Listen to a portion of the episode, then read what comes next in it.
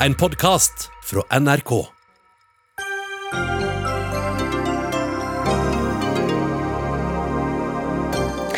Tor Mikkel Wara står last og brast med sin tiltalte samboer, sier kommentator, som også hevder Wara fikk god nytte av jobben sin som kommunikasjonsrådgiver da han vitnet i retten i dag. Donald Trump bør få Nobels fredspris, foreslår FrPs Christian Tybring-Gjedde. Den fortjener han slett ikke, svarer Sylo Taraku i Agenda. Granskning viser at Hurtigruten har begått en rekke systemfeil, men styret har fortsatt tillit til konsernsjefen i selskapet. Ikke uventet at skylden blir skjøvet nedover, mener redaktør. Og utenrikskorrespondentenes fokus på seg selv står i veien for historien de skal fortelle, kritiserer journalist.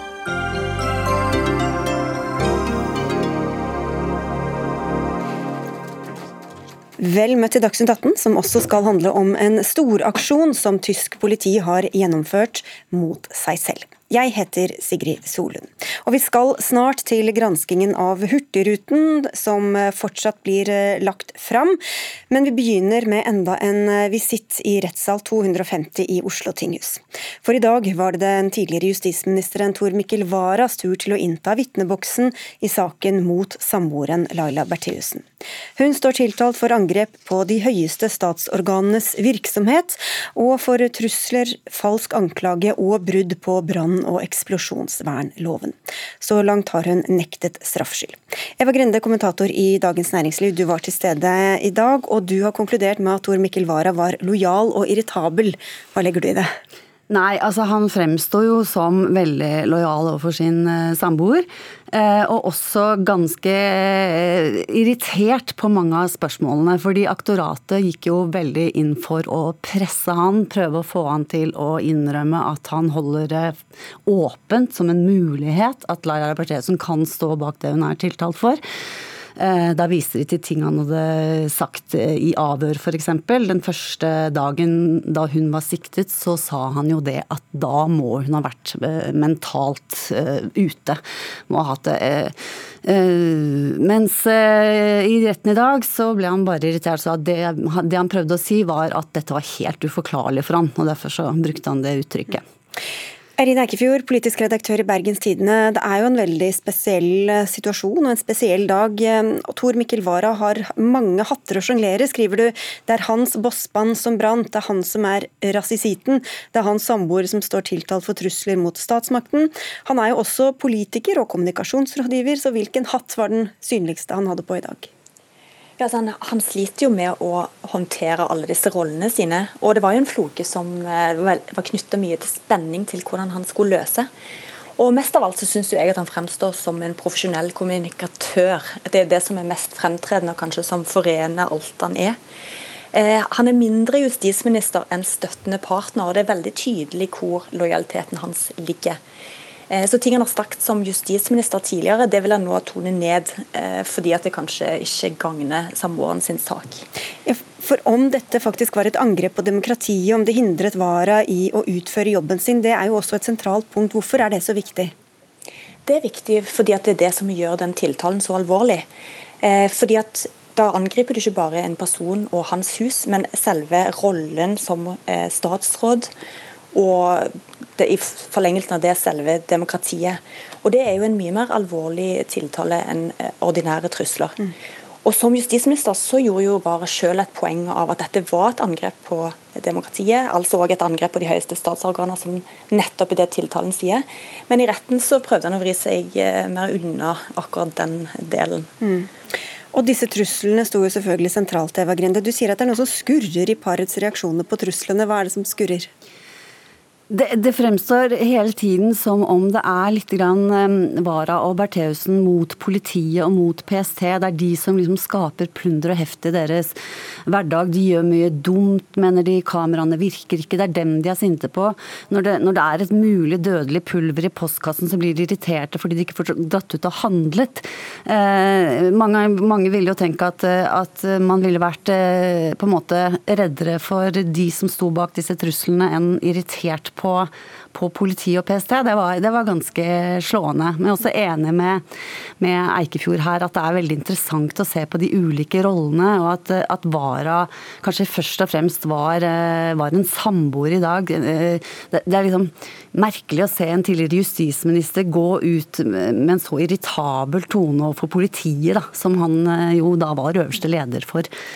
Men er det ikke veldig vanskelig å si dette hadde vært en adekvat reaksjon? Sånn, er det naturlig å reagere på noe som er såpass absurd som det som er jo. saken her? Jo da, det kan du si. Det kan du si. Men uh, samtidig så ble det jo tatt veldig alvorlig av, uh, av øverste politimyndighet. Da.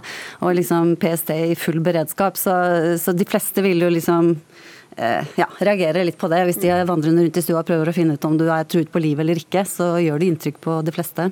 Og Hvor tydelig var Vara på at eh, det ikke kan være samboeren som står bak dette? Nei, altså øh, Han sier at 'jeg trodde aldri at hun sto bak disse tingene'. Samtidig så er han veldig sånn øh, formelt korrekt i å si at 'jeg var i Liverpool, jeg var ikke der'. Jeg kan ikke si det med sikkerhet. Det er mitt, min, mitt ansvar som vitne vitne og si at jeg kan ikke si det med sikkerhet, jeg må forholde meg til fakta. Han er mange ganger veldig irritert på at han blir presset til å spekulere. Sånn hva hvis hun har gjort det, osv. Um, samme gjelder eh, veldig viktig, en veldig viktig sak der, eh, der uh, han våkner midt på natten og blir spurt om ligger hun da ved siden av deg i sengen. Og da sier han det må hun ha gjort. For hvis ikke ville ikke jeg ha gått ned for å sjekke hva den lyden jeg hørte var for noe. Men han sier ikke, han sier ikke ja, det gjorde jeg. Han sa men jeg må ha gjort det. Så, så det, liksom, det ligger en liten sånn flik av et åpent spørsmål der. Hvor viktig er det han sier, Eikefjord? Jeg tror ikke at uh, noe som altså, det er ingen som, Denne tiltalen er ikke basert på det Wara sier, verken fra eller til. Og det var vel ingen som forventa at han skulle uh, egentlig verken svekke eller styrke saken hennes. Uh, og det med dette alibiet som jeg nevnte, er jo er ganske tynt. For det som Eva Grinde er inne på, er jo nettopp det at man klarer jo verken å etablere et tidspunkt for den hendelsen, eller om hun faktisk var i sengen eller ikke. Eh, så å kalle det for et alibi vil jeg vel si at det er å strekke det ganske langt. Men han hadde vel ikke trengt, eller var ikke forpliktet til å vitne rent juridisk, ikke før du er jo jurist i tillegg? Nei, det var han ikke. Eh, så dette var jo noe han kunne velge å la være. Og jeg er sikker på at han tenkte grundig over hvilken effekt det ville ha eh, både å vitne og ikke gjøre det. Han er jo eh, som nevnt en eh, profesjonell kommunikatør eh, med partnerstatus i First House, så han vet jo litt hva han driver med. Det ble jo òg veldig tydelig i retten i dag. Mm. At han kverulerer, veldig offensiv, pirker på spørsmålene han får osv. Og Hva slags reaksjoner hadde Bertheussen selv på vitnemålet til samboeren Eva Grinde? Ja, altså, Da må man jo bare se på Eh, hvordan hun eh, reagerte i, eh, i rettssalen. Og da, da var det, synes jeg det var påfallende i begynnelsen av dagen i dag at det var veldig lite reaksjoner og veldig lite kontakt mellom de to. Så, men akkurat hva hun tenkte er jo fryktelig vanskelig å, å vite. det skal vi vokte oss vel for å gå inn i. Jeg regner med at hun var fornøyd med det forsvaret som han, han ga henne. Jeg er også enig i at det ikke flyttet noe særlig fra eller til. Altså det neste viktige, kanskje det aller viktigste når det gjelder mulighet for å snu på dette her, det er disse sakene og de brevene som kom etterpå. Og det skal jo en bevisførsel for det er først om et par uker. så... Og så til slutt her, Eirin Eikefjord. Eh, Tor Mikkel Wara reagerte også på gamle dommer eh, mot eh, Bertheussen for tyveri og bedrageri og dokumentfalsk. Hva var det han sa om at dette ble dratt fram i denne rettssaken? Han syns vel det er en avsporing og, og, noe som kanskje kan bidra til å forhåndsdømme henne i media eller eksternt. Hun er jo bl.a. dømt for bedrageri, tyveri og dokumentfalsk. Og Det en kanskje ønsker å vise her, er jo en slags tendens til forbry, en forbrytersk vilje eller en eller annen modus. Eh, så Det var han nok opprørt over. Det kom jo òg fram at han Eh, skal ha visst om dette først i politiavhør. Eh, så det var jo sikkert ikke noe han ønsker å dvele ved. Ja, Saken fortsetter. Vi ses nok igjen, Eva Grinde fra Dagens Næringsliv og Eirin Eikefjord fra Bergenstidene.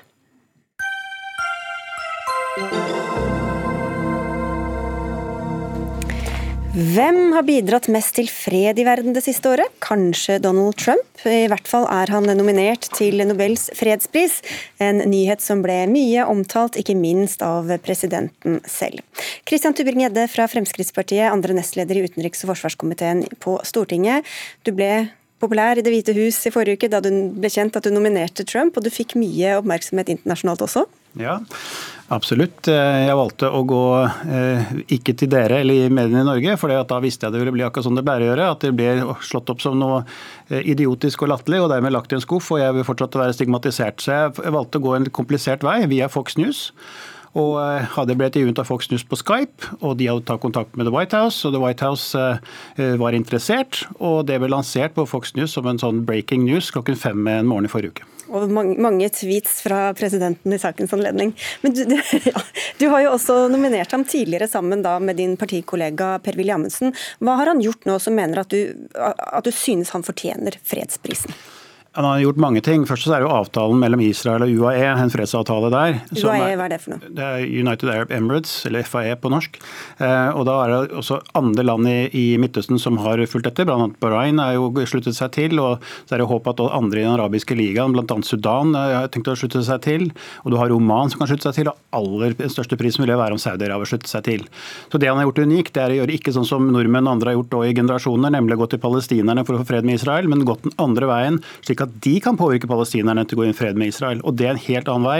Han har vært veldig udiplomatisk, men veldig eh, smart trekk. Og fordi han kanskje er ikke en politiker eller en karrierediplomat, så lykkes han bedre enn andre.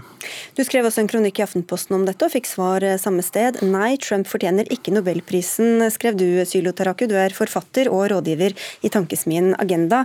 Hvorfor fortjener han ikke denne prisen, mener du? For det første fordi de avtalene det er snakk om her, er ikke så banebrytende som Tybring-Gjedde vil ha det til.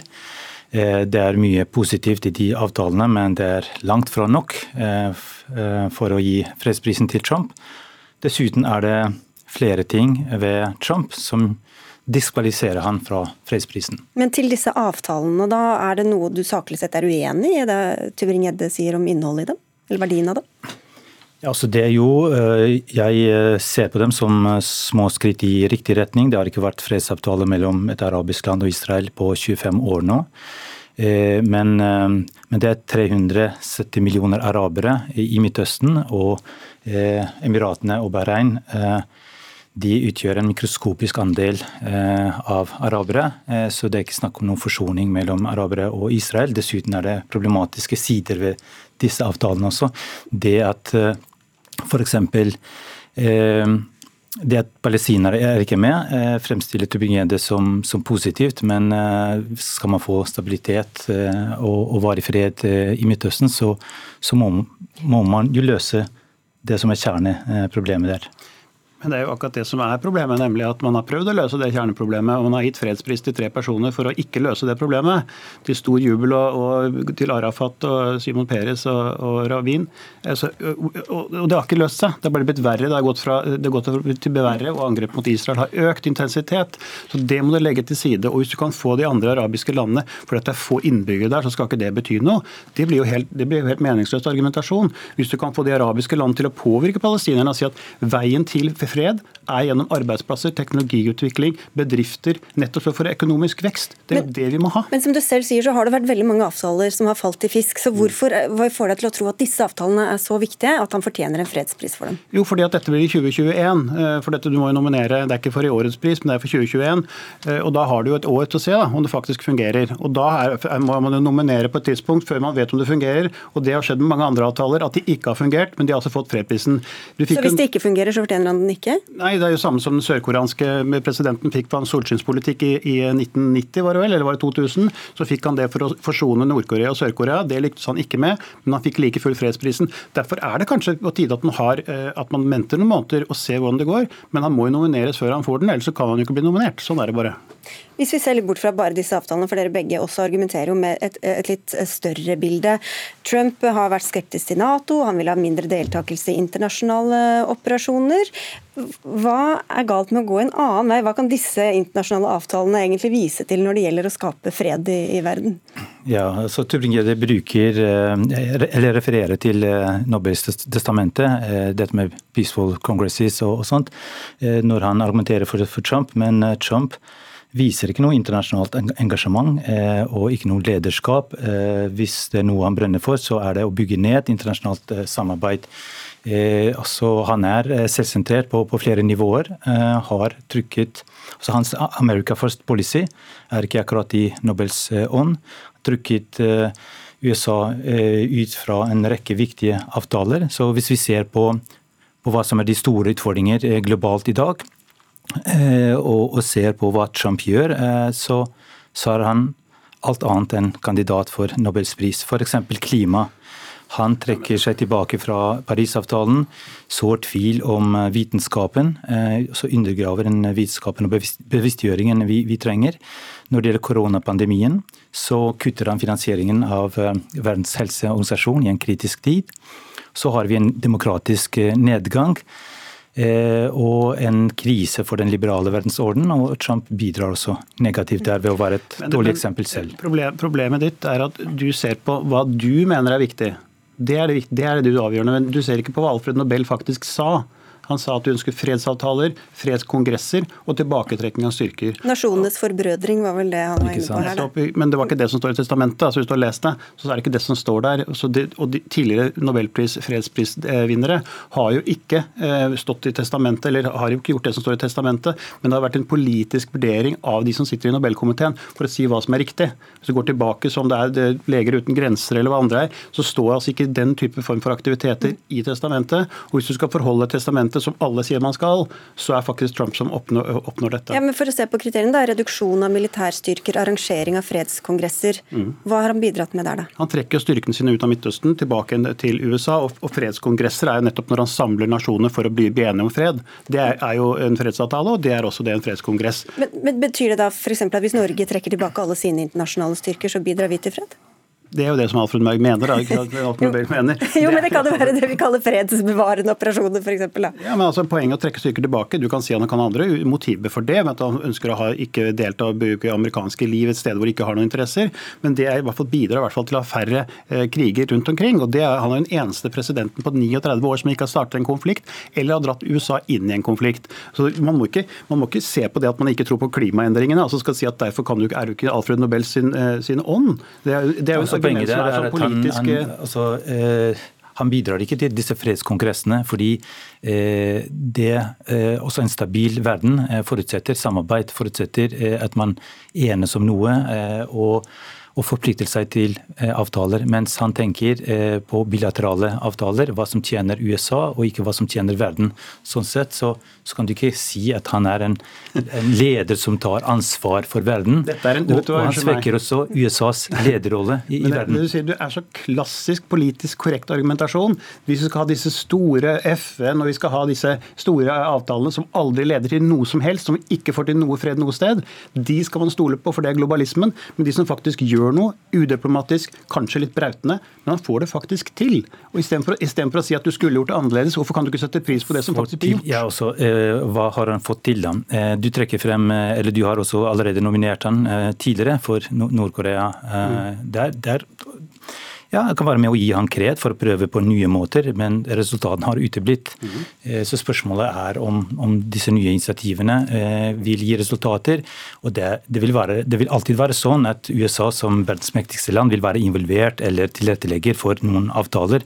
Så det er ikke dermed sagt at hver gang USA er involvert, så skal USAs president få fredsprisen. Barack Obama fikk den på ni måneder uten å ha gjort noe som helst. Men det er en annen sak. Men Kosovo og Serbia har han også klart å forhandle frem en, en avtale. Er det noe han bare skulle gjort som en selvfølge, eller skal han få kred for det? Det er positivt, de eh, normalisering av økonomiske men, men, forhold. Men den problematiske eh, siden ved den, denne avtalen er at han har presset dem til å åpne ambassader i Israel, ja. også i, i, Jerusalem.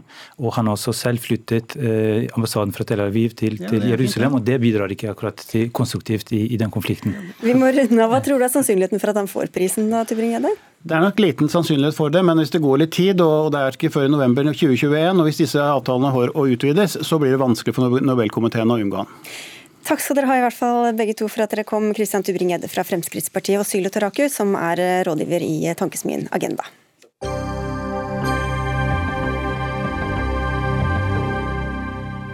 Vi eh, håper å snart få med oss eh, konsernledelsen i Hurtigruten, som fortsatt holder på med en pressekonferanse om granskningsrapporten som ble lagt fram i dag.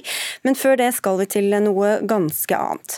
Klarer vi ikke å leve oss inn i andre samfunn uten at journalisten som videreformidler inntrykkene, hendelsene og analysene, bruker seg selv i formidlingen? En kronikk i Bistandsaktuelt angriper det som kalles jeg, meg og meg selv-journalist journalistikken. Den er skrevet av deg, Anne Håskold Haugen, du er journalist i Bistandsaktuelt. Noe har skjedd i utenriksjournalistikken, og jeg liker det ikke, skriver du. Hva er det som har skjedd, hva er det du ikke liker? Ja, takk for det. Eh, nei, jeg har skrevet et innlegg eh, hvor jeg kritiserer det jeg mener er en trend, at journalister stadig oftere setter seg selv i sentrum for reportasjene sine. Eh, og Det syns jeg er problematisk, fordi at eh, de tar opp plassen på bekostning av de menneskene de er sendt ut for å rapportere hjem om. Eh, jeg mener også at det ikke er så veldig interessant for publikum å høre så mye om journalistenes strabaser i felt. Og det siste poenget mitt, som kanskje er litt mer journalistfaglig, er at man kan ikke drive god journalistikk uten god kildekritikk. Eh, og jeg mener det er umulig å ha god kildekritikk på seg selv. Hva slags eksempel, for at seerne og lytterne skal se dette for seg, hva slags eksempel kan det være at man bruker seg selv for mye? Eh, ja, altså I saken min så bruker jeg et konkret eksempel. Eh, jeg vil bare si først at jeg ønsker jo ikke med denne saken å kritisere eh, enkelte journalister, men, det er trenden du peker men trenden jeg peker på. Men for å få med oss lytterne da, så skriver jeg om en reportasje som ble sendt i juni.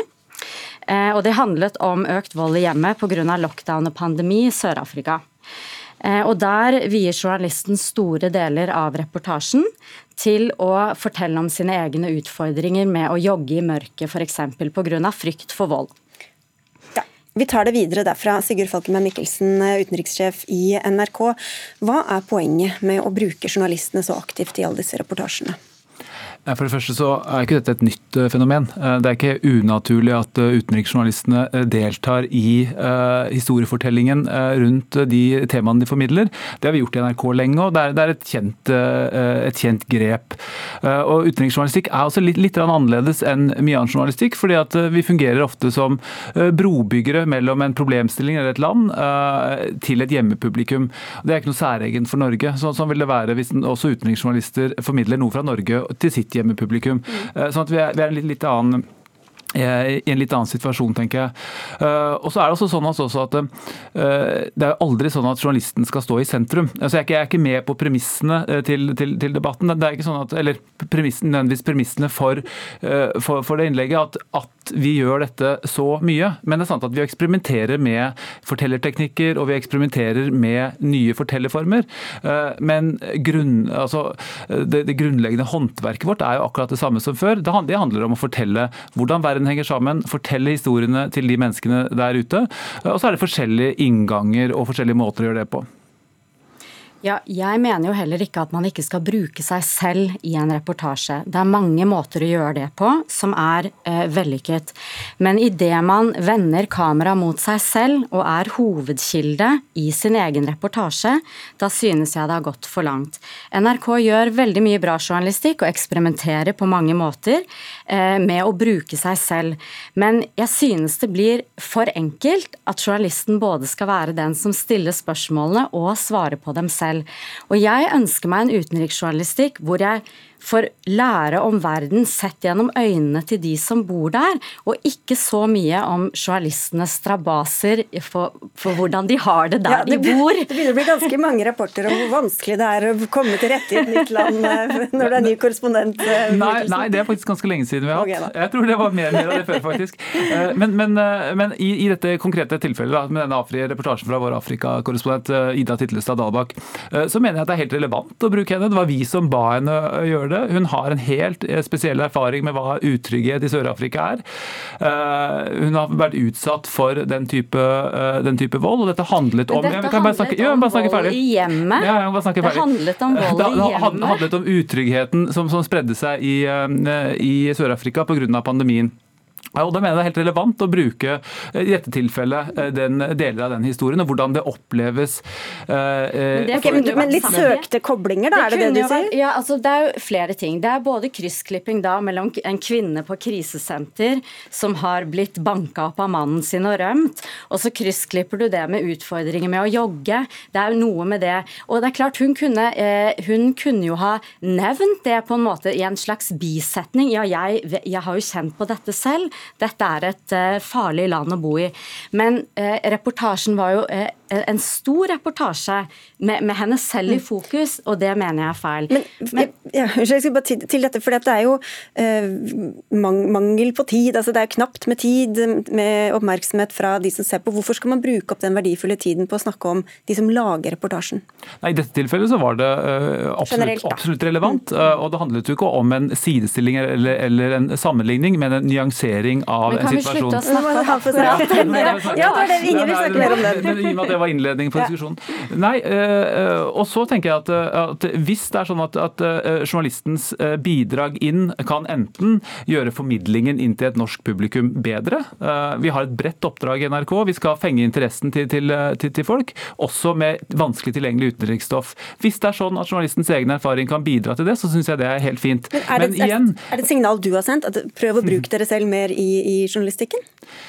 Det er ikke nødvendigvis et signal som, som, som, jeg har sendt. Det, er ikke sånn, det fungerer jo ikke sånn i NRK. Du skriver jo det i ditt svar til meg, at dere ønsker denne journalistikken. Ja. Og det er jo det jeg er ute etter. Så nå må vi slutte å diskutere dette eksempelet. Ja, ja, vi prøver Ina, å diskutere generelt. Titlestad Dalbakk ja. er en veldig dyktig journalist. journalist. Jeg ønsker ikke å, å angripe henne her. Nei, men, men, tror ikke du at det å bruke seg selv gjør at folk også kan identifisere seg mer? At det blir Absolutt. en bro inn i det men samfunnet de skal høre fra? Men ikke å lage en reportasje om seg selv. NRK, gjør man det så mye, da? En del, en god del. Og man skriver seg selv inn i reportasjer. Jeg snakker ikke bare om TV her, men man skriver seg selv inn i reportasjer hvor på en måte journalistens utfordringer ved å komme frem til eh, krigsområder og konfliktområder er i sentrum. Eh, det er mange gode måter å bruke seg selv på. Eh, og man kan skrive i jeg-form. Eh, kommentasje er en populær form, hvor journalisten kommenterer det man ser. Men det er fortsatt ikke det samme som å lage en reportasje om deg selv. Men, men det, det, er jo ikke det vi gjør heller. Eh, men, men det hender at vi bruker uh, våre egne erfaringer inn for å belyse et uh, tema. Og Det tror jeg vi kommer til å fortsette å gjøre. Og så handler det om å eksperimentere litt med fortellergrep.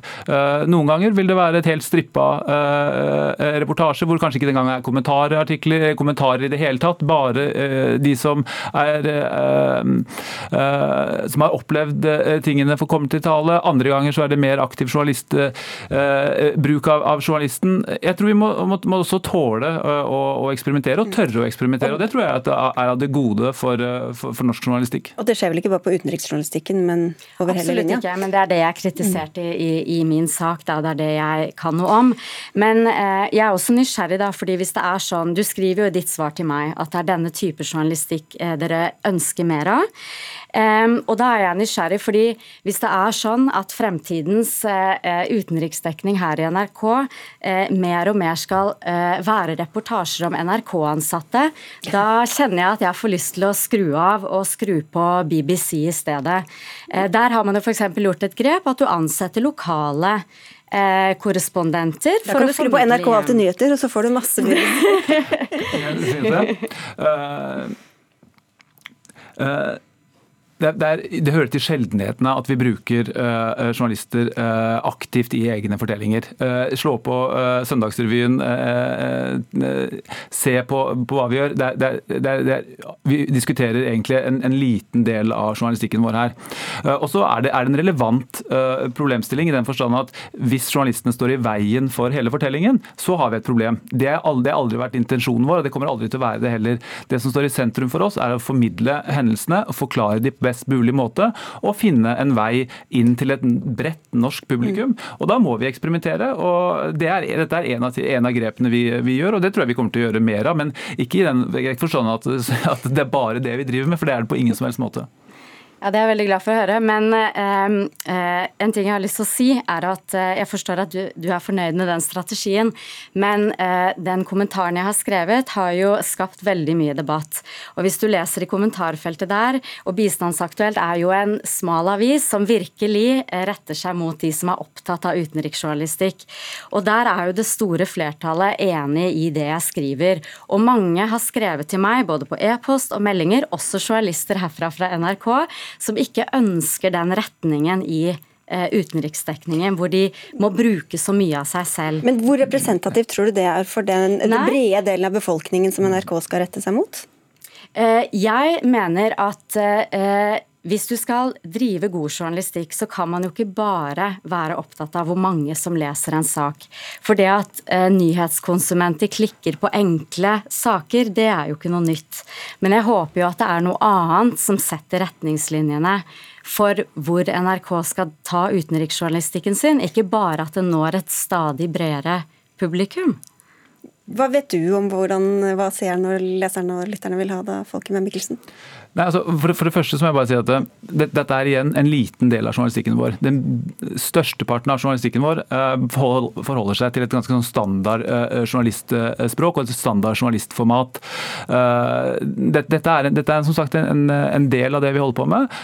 og eksperimentere med, eh, med, et formspråk. Okay. Og Det tror jeg har en, tror jeg har en eh, verdi for, eh, for, våre seere, lyttere og brukere. Og så skal vi hele tiden gjøre det med måte, og gjøre det på en skikkelig måte. Ok, Skal du prøve å finne ut av hvem som sendte støttemeldinger til bistandsaktør? det er helt fint. Jeg syns debatten er kjempeinteressant. Takk for at dere tok den her i Dagsnytt 18 i hvert fall. Sigurd Falkenberg Mikkelsen, utenrikssjef i NRK, og Anne Håskold Haugen, journalist i Bistandsaktuelt.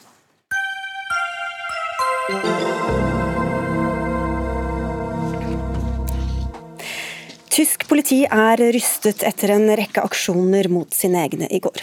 Da ble til sammen 34 politistasjoner og flere private hjem gjennomsøkt i en storaksjon mot spredning av høyreekstrem og nazistisk propaganda. Flere titalls politifolk er foreløpig mistenkt. Og journalist Astrid Sverresdotter Dypvik, du har skrevet to bøker om Tyskland, og du holder på med en tredje om nettopp høyreekstremisme i Tyskland. Hvor oppsiktsvekkende er denne aksjonen?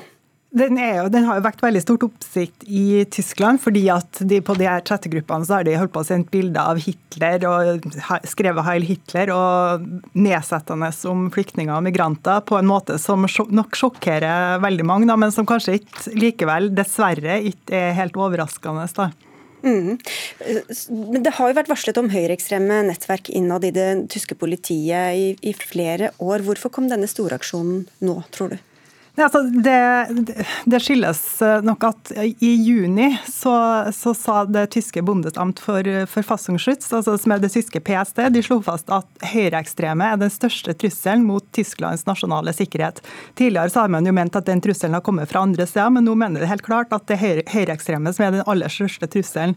Og det betyr jo at situasjonen også er forandra for hva man, hva man prioriterer å etterforske. Eh, og det, altså, At det har blitt sånn, det skyldes jo bl.a. det her attentatet i, i Hanau i, tidligere i år, der det var elleve personer ble, ble drept. Eh, og et, i, i, fjor høst var det også et attentat i, i byen Halle, der en person gikk til angrepet på en, en Eh, på en synagoge. Eh, og der eh, Begge steder så var det høyreekstreme gjerningsmenn da, som var klart motivert av sånn hatgrupper på, på, nett. Så Det har vært veldig mange grove attentat og veldig mange andre sånn små episoder da, av høyreradikal eller høyreekstrem vold i Tyskland. Hva vet vi om hvor omfattende dette tankegodset, hvor store disse nettverkene faktisk er? Altså, det vet jo ikke helt, det vet jo ikke helt, helt klart, men det som, man, det som er situasjonen, er jo i Tyskland, er at det tredje største partiet i forbundsdagen har en gruppering, altså en del av medlemmene der er, altså mener tyske PST da, at er høyreekstremister. Eh, sånn at det er jo utbredt eh, altså i vide deler av samfunnet på en helt annen måte enn i sånn lukka nettverk som, som det har vært tidligere. Eh, og det har jo vært flere, sånn, flere opprullinger den siste tida nettopp fordi at det er høyere prioritert av politiet i sommer. høyere prioritert da, i samfunnet. Og det var jo en sak med KSK, den her elitetroppen som i sommer, altså elitetroppen i tyske Bundeswehr som, som blir brukt i hemmelig utenlandsinnsats. Der det ble avslørt at mange av medlemmene altså hadde høyreekstreme sympatier, og de hadde vært deltatt på en fest der det var blitt gjort Hitler-helsing, som jo sjokkerer veldig mange. og Da skulle de først eh, varsla forsvarsministeren at denne troppen skulle reformeres, men etter en dag så sa hun at nei, den skulle oppløses og bare opprettes helt på nytt, da, fordi at det var noe i selve strukturen som de på en måte ikke fikk helt has på. da. Men Er det noe som tilsier at disse holdningene er mer utbredt i politiet enn i alle mulige andre yrkesgrupper i Tyskland? Altså, det er mange som tror at det er mer utbredt i politiet og militæret. og Det er nettopp fordi at eh, denne typen folk eh, som har en høyreekstrem innstilling, eller også høyreradikal innstilling, ofte er veldig opptatt av lov og orden, og at de derfor da søker seg til den, til den type yrker. Men altså, det, Jeg vet ikke om det finnes noe tall på det, da, men hvert fall når man diskuterer, så sier, man, så sier de fleste at de tror at det er mer utbredt der enn, enn andre steder. Og hva er årsaken til at dette dukker opp i Tyskland av alle steder, med, med den historien som det landet har? Altså, det er nok litt Det er jo litt forskjellige årsaker, men det har jo, etter 2015 så har det vært en veldig sterk politisk polarisering i Tyskland, der det her partiet AFD har vokst fram og blitt uh, veldig sterkt, selv om det har blitt svekka nå i forbindelse med koronakrisa. Så, så altså, Situasjonen er veldig politisk polarisert. Og så er det også sånn at uh, spørsmålet om høyreekstremisme har, blitt mye mer, altså, har kommet mye mer fram i diskusjonen. Og man har, eh, altså, for, eh, for, Også etter all flyktningstrømmen som har vært det siste Altså, det er jo en del av årsaken. fordi at altså, den, den, politikken til Angela Merkel var jo i, eh, i, i det aller brede lag av samfunnet så var det jo veldig populært. Men eh, hos enkelte var den veldig upopulært. Og det har skapt en sånn politisk polarisering da, i den gruppa som, som, var, som var misfornøyd. Eh, og så er det jo også sånn at, eh, at man prioriterer da kampen mot, eh, eller å se på det høyreekstreme mye tydeligere enn man har gjort, enn man har gjort tidligere, også fra, fra forfassungsschutz. da. Vi får se hva det blir til her. Takk skal du ha, Astrid Sverresdatter Dybvik, for at du kom til studio.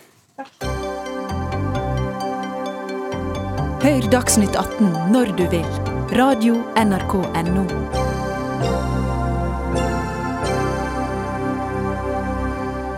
Da skal vi til Hurtigruten, som det har stormet rundt i mange uker. I dag kom den interne granskningsrapporten om hva som skjedde da 71 personer ble smittet med covid-19 om bord på Roald Amundsen i begynnelsen av august. Framleggelsen av rapporten er vel akkurat ferdig, og det er advokatfirmaet Wiersholm og DNV GL som har ledet dette granskningsarbeidet, og styret i Hurtigruten som har bestilt rapporten. Skjalg Fjellheim, politisk redaktør i avisa Nordlys, du har fulgt med og du har skrevet mye om denne saken. Hvilket inntrykk sitter du med, igjen med nå, etter det som ble lagt fram de siste to og en halv timene, er det vel blitt? Ja, På mange måter så er jo det som har kommet frem eh, ganske mye verre enn det man kunne ha trodd på forhånd. For det, det viser seg jo at et selskap som i lang tid pressa på for å få åpne opp eh, for cruisefart midt under en pågående pandemi, og fikk tillatelse til det. De, de svikta da fatalt når de, når de fikk denne tillatelsen. Og de har da eh, forsøkt å fortie og undertrykke mulig smitte om bord. Og eh, det er jo eh, på mange måter en drepende rapport over en kultur i, i Hurtigruten, dette som har kommet frem i dag. Ja, hvem er det det pekes på, hvem, hvem blir sittende igjen med ansvaret her? Ja, denne Pressekonferansen starta med at styrelederen i Hurtigruten Group, Trygve Hegnar, um, trakk konklusjonen. og Konklusjonen er at mannen på toppen, konsernsjef Daniel Skjeldam, er en utmerket mann til å lede selskapet videre. og Det er nok uh, mange som kanskje stiller spørsmål ved hvordan det kan være mulig at den som er ansvarlig for denne bedriftskulturen som avdekkes i denne i denne rapporten skal være den som skal gjenopprette tilliten for selskapet. Vi kan la det gå videre til deg, Daniel Skjeldam. Du er konsernsjef i Hurtigruten og med hos oss nå. Hvordan skal en ledelse med deg på toppen, da, som har ansvar for så mange påviste feil og en kultur som da blir kritisert her, være den rette til å føre selskapet videre? Det blir en eh, lang vei for oss til å gjenopprette den eh, tilliten vi har hatt det tar vi veldig alvorlig. Og det skal vi jobbe målretta med i tida fremover. Motivasjonen min er at jeg ønsker sterkt å ta selskapet ut av den store krisa som hele den internasjonale reiselivsbransjen er i, og ikke minst gjenopprette tilliten ut ifra de alvorlige tingene som kommer fram i rapporten, og som vi skal jobbe eh, veldig målretta med å rydde opp i i tida framover. Og Noe av det alvorlige handler da om en kultur hvor dere var villige til å ta risiko. Risikostyringen var rett og slett for dårlig. Hvilke signaler og beskjeder har du gitt når kulturen i Hurtigruten da blir sånn? Kulturen i Hurtigruten er det viktigste eh, vi gjør. Det er det som danner grunnlaget for at sikkerhet alltid Eh, kommer først. Men den kommer jo ikke først, da? Eh, de funnene, så, det er klart at de funnene som kommer i rapporten, eh, må vi jobbe målretta med videre. Og kulturen er ikke god nok, eller har vært god nok, når en sånn hendelse kan skje.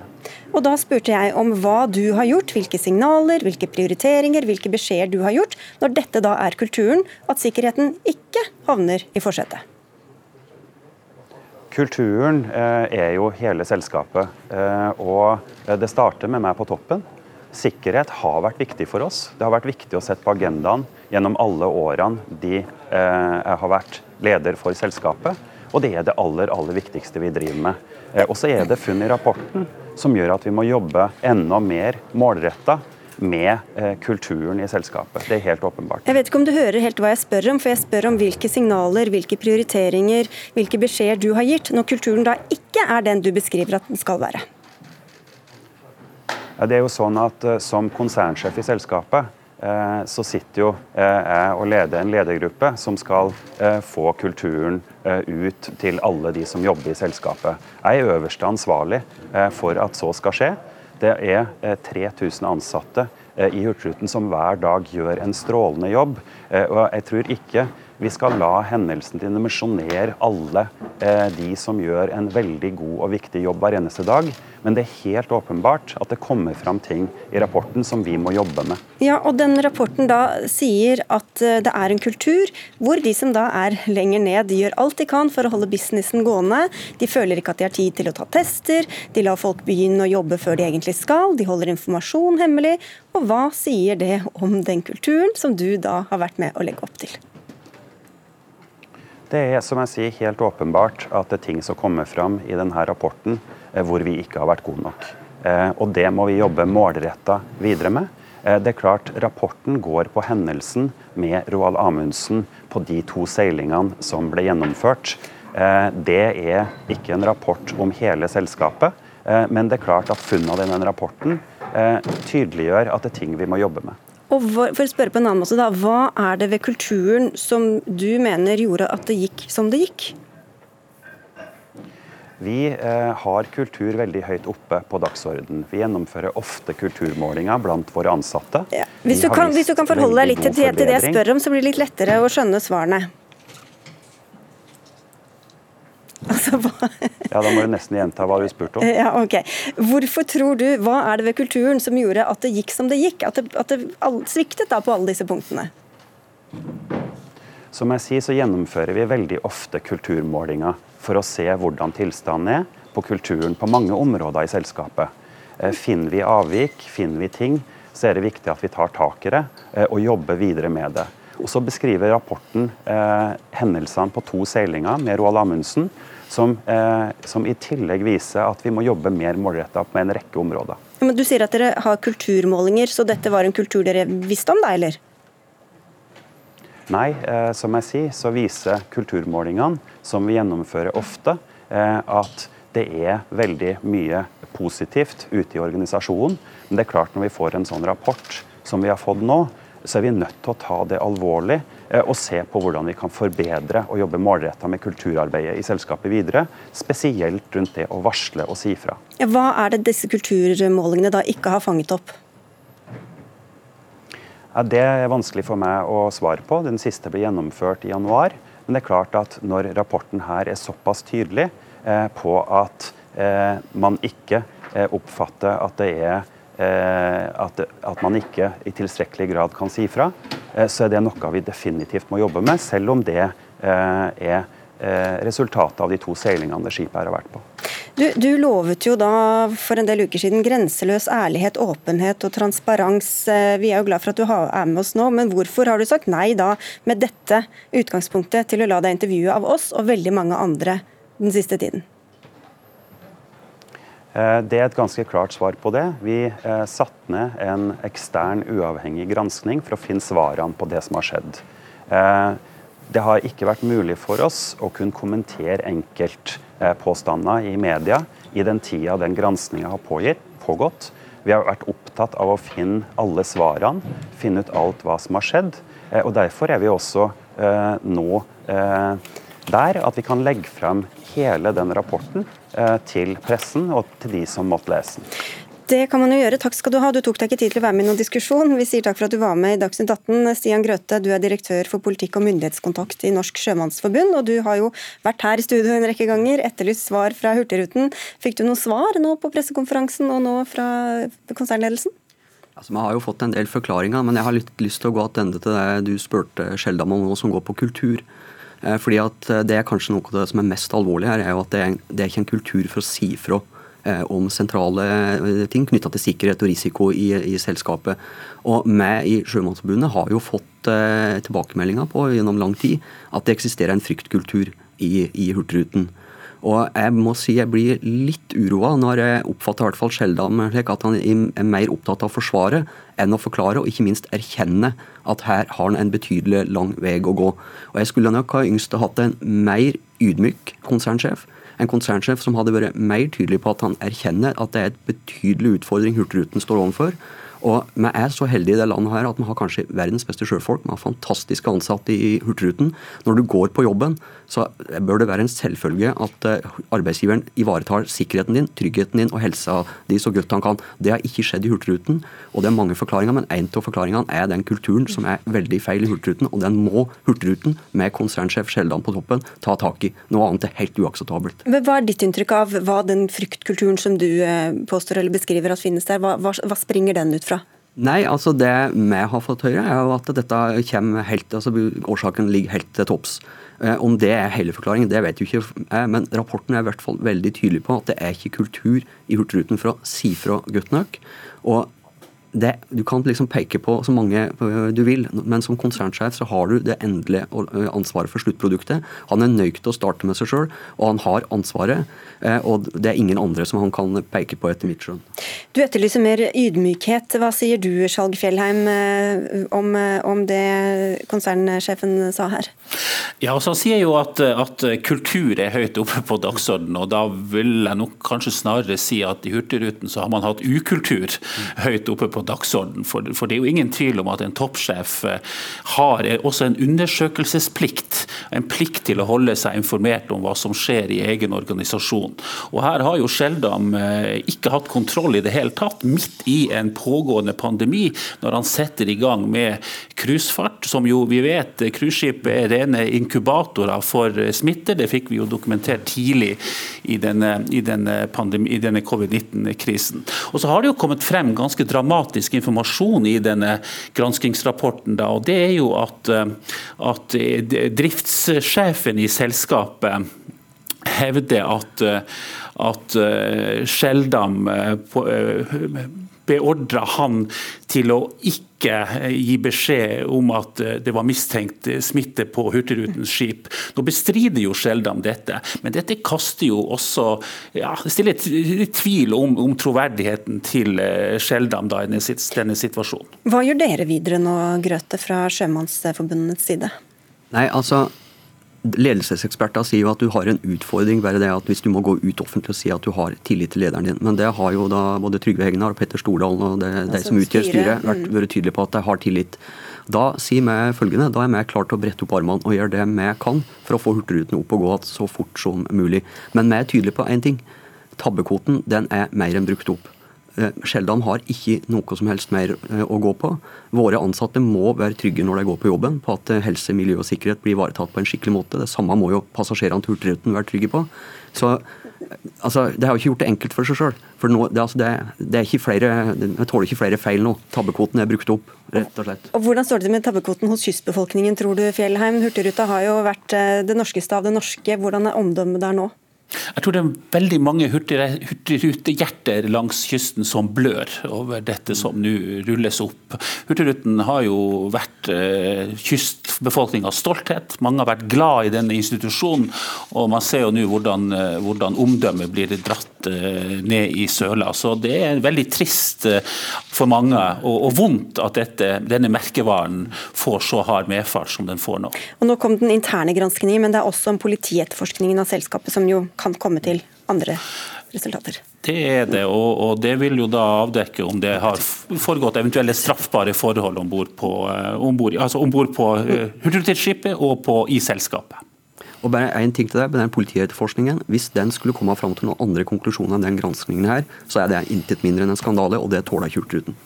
Vi får leve i spenning. Takk skal dere ha, Skjalg Fjellheim, politisk redaktør i Nordlys, til Stian Grøthe, som er direktør for politikk og myndighetskontakt i Norsk Sjømannforbund, og til Daniel Skjeldam, som altså er konsernsjef i Hurtigruten.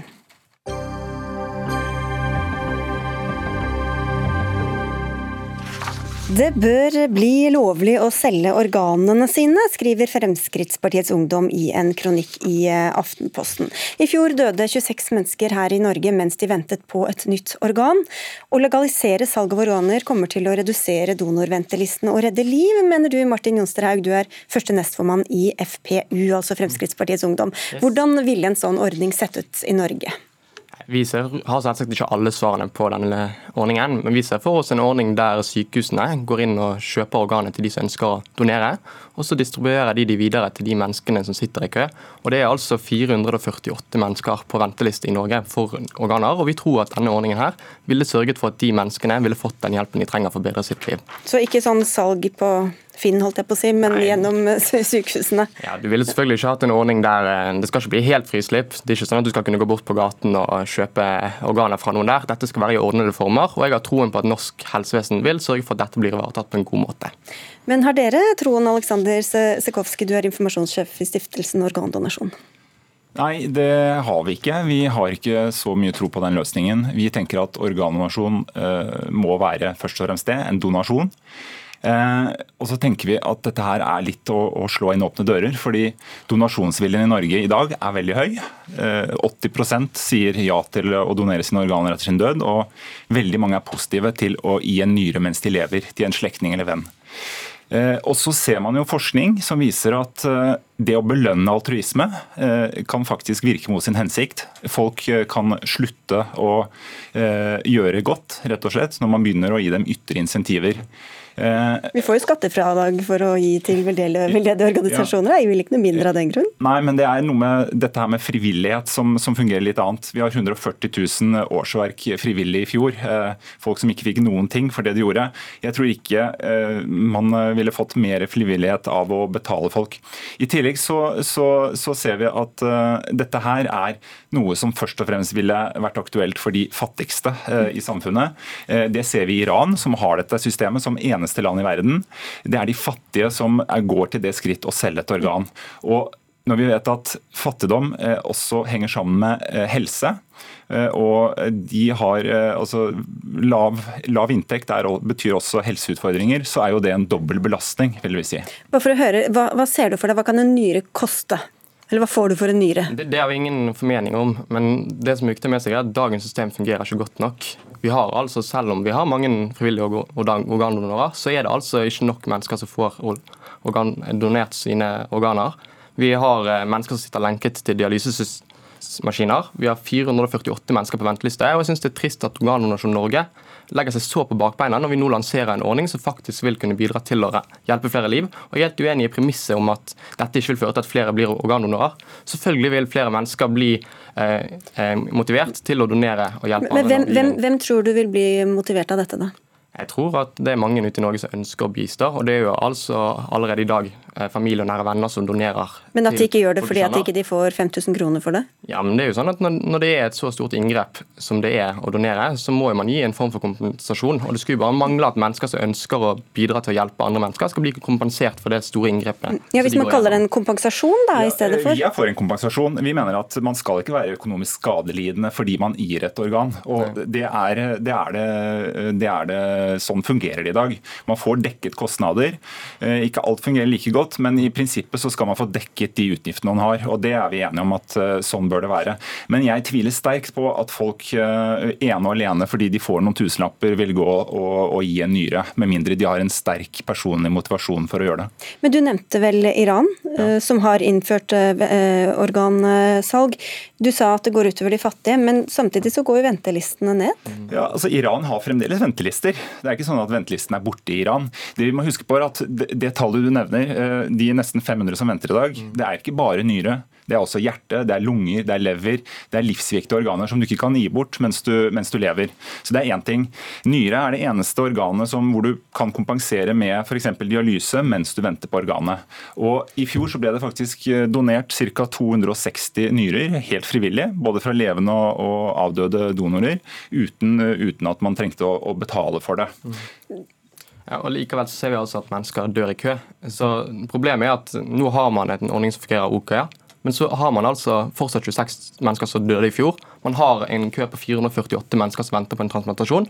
Og så foreslår vi nå en ordning der man vil få flere organer på markedet. Og jeg er helt overbevist om at det er mennesker ute i Norge som ønsker å stille seg til dispensasjon for å hjelpe andre mennesker hvis de får en kompensasjon. Men, men du svarte ikke helt i stad. for jeg, um, Man kan jo gi bort i dag. Vi ja. vet at, at, det er lurt å gi bort, selv om det er, det er bare nyere man kan gi bort. Mm. Så hvem tror du at det vil være avgjørende for at man får 10 000, 20 000, et eller annet sånt for en nyre?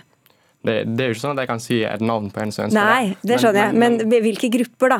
Tror du at en, en som tjener en million, vil, at det vil spille stor rolle? Så, så, tror jeg at Vi må sørge for at det blir en ordning på dette som gjør at det ikke bare er de fattige. for En forutsetning for denne løsningen det er jo at det skal være basert på frivillighet. og En måte vi kan løse det på, er å gjennomføre en screening-test der man eh, har de som ønsker å donere, kommer inn og snakker med psykolog, lege og annet medisinsk personell, sånn at man sørger for at de som ønsker å hjelpe andre mennesker, faktisk er motivert av å, å ville hjelpe folk, og ikke bare den økonomiske motivet som ligger bak. Ja, men De kan jo allerede gjøre det i dag. Så hva, da, da, da, for hvem er det på en måte summen som er det? De kan jo gjøre det i dag, men den ordningen er jo ikke at uh, levende mennesker kan gå og hjelpe andre uh, på samme måte. Man vil jo, Med denne, dette insentivet så vil man sørge for at folk som uh, ønsker å hjelpe andre, vil kunne hjelpe hvem som helst, og ikke bare familie og nære venner, sånn som praksis i dag. Ok, så Det er ikke sånn i dag at man kan gå på sykehus og si at jeg vil gi bort en nyre i tilfelle noen trenger den? Nei. Det, det, du, den du gir nyre til, må du ha en relasjon til. Mm. Og Det er jo nettopp en del av problematikken rundt betaling, f.eks. rundt press osv. Så, videre. så det er helt riktig i dag er det en grundig utredning av de som ønsker å gi, gi en nyre. og det er, det er, en ganske lang prosess, mm. og en relativt eh, ressurskrevende prosess. Så hvis alle de som i tillegg bare hiver seg på og tenker kanskje at dette er noen kjappe grunker. Hvis alle skal utredes, så vil, vil, man egentlig overbelaste det hele systemet. fordi det er, eh, altså De som ønsker å gi en nyre i dag, eh, de, eh, der går det ofte et år før de faktisk kan gi denne nyren. Mm. Det er mange medisinske faktorer også som skal klaffe. Det skal være en match. Du kan ikke bare gi til hvem som helst heller. Mm. Så, så hver gang det er slutt på studiestipendet, så tar du deg en tur på sykehuset også. Nei, men jeg syns jo at det er litt dumt at Alexander her er helt enig i at man har en god rutine for hvordan man skal håndtere de som ønsker å donere, samtidig som man stiller seg så passiv til et forslag som faktisk vil føre til at det blir flere donorer på markedet. Eh, vi vil jo på denne måten faktisk få muligheten til å redde de 448 stykker som sitter i kø. Men, mulig jeg er treg her, men Mener du eh, Sikowski, at det burde være mulig for folk å, å gå og donere en nyre så lenge det var gratis? Ja, altså, Det er jo et annet spørsmål, altså altruistisk donasjon. Det har man forsøkt i Sverige, og det har ikke vært så, uh, så vellykket, av det jeg forstår. For det, det, var i utgangspunktet en del interesse, og så ser man at veldig mange faller fra. Og Da har man det problemet med at man utreder, uh, tar imot disse menneskene, og så er det mange som ombestemmer seg i siste liten. Det er vel sånn man kan gjøre med benmarg i dag, f.eks.? Ja, man kan mm. donere benmarg. Det er jo en litt annen, annen sak igjen. Det, mm. det, er også absolutt mulig. Men jeg må bare få si at uh, det det er ikke noe som antyder at vil gå at donorratene vil gå fryktelig opp hvis man, sier, hvis man innfører en slik løsning. Det vi derimot er redd for, er at den illegale handelen faktisk kan forsterkes av det når man begynner å normalisere handel med kroppsdeler. Vi får, jeg ser du rister på hodet, vi får bare si du er helt uenig. Det rekker dessverre ikke å komme med så mange flere argumenter. Du fikk vel gjennom de fleste. Takk skal dere ha, Martin Jonsterhaug fra FPU og Aleksander Sekowski fra stiftelsen Organdonasjon. Dagsnytt 18 er ved veis ende. Dag Dørum, Frode Thorshaug og jeg, Sigrid Solund, takker for oss og ønsker velkommen tilbake i morgen.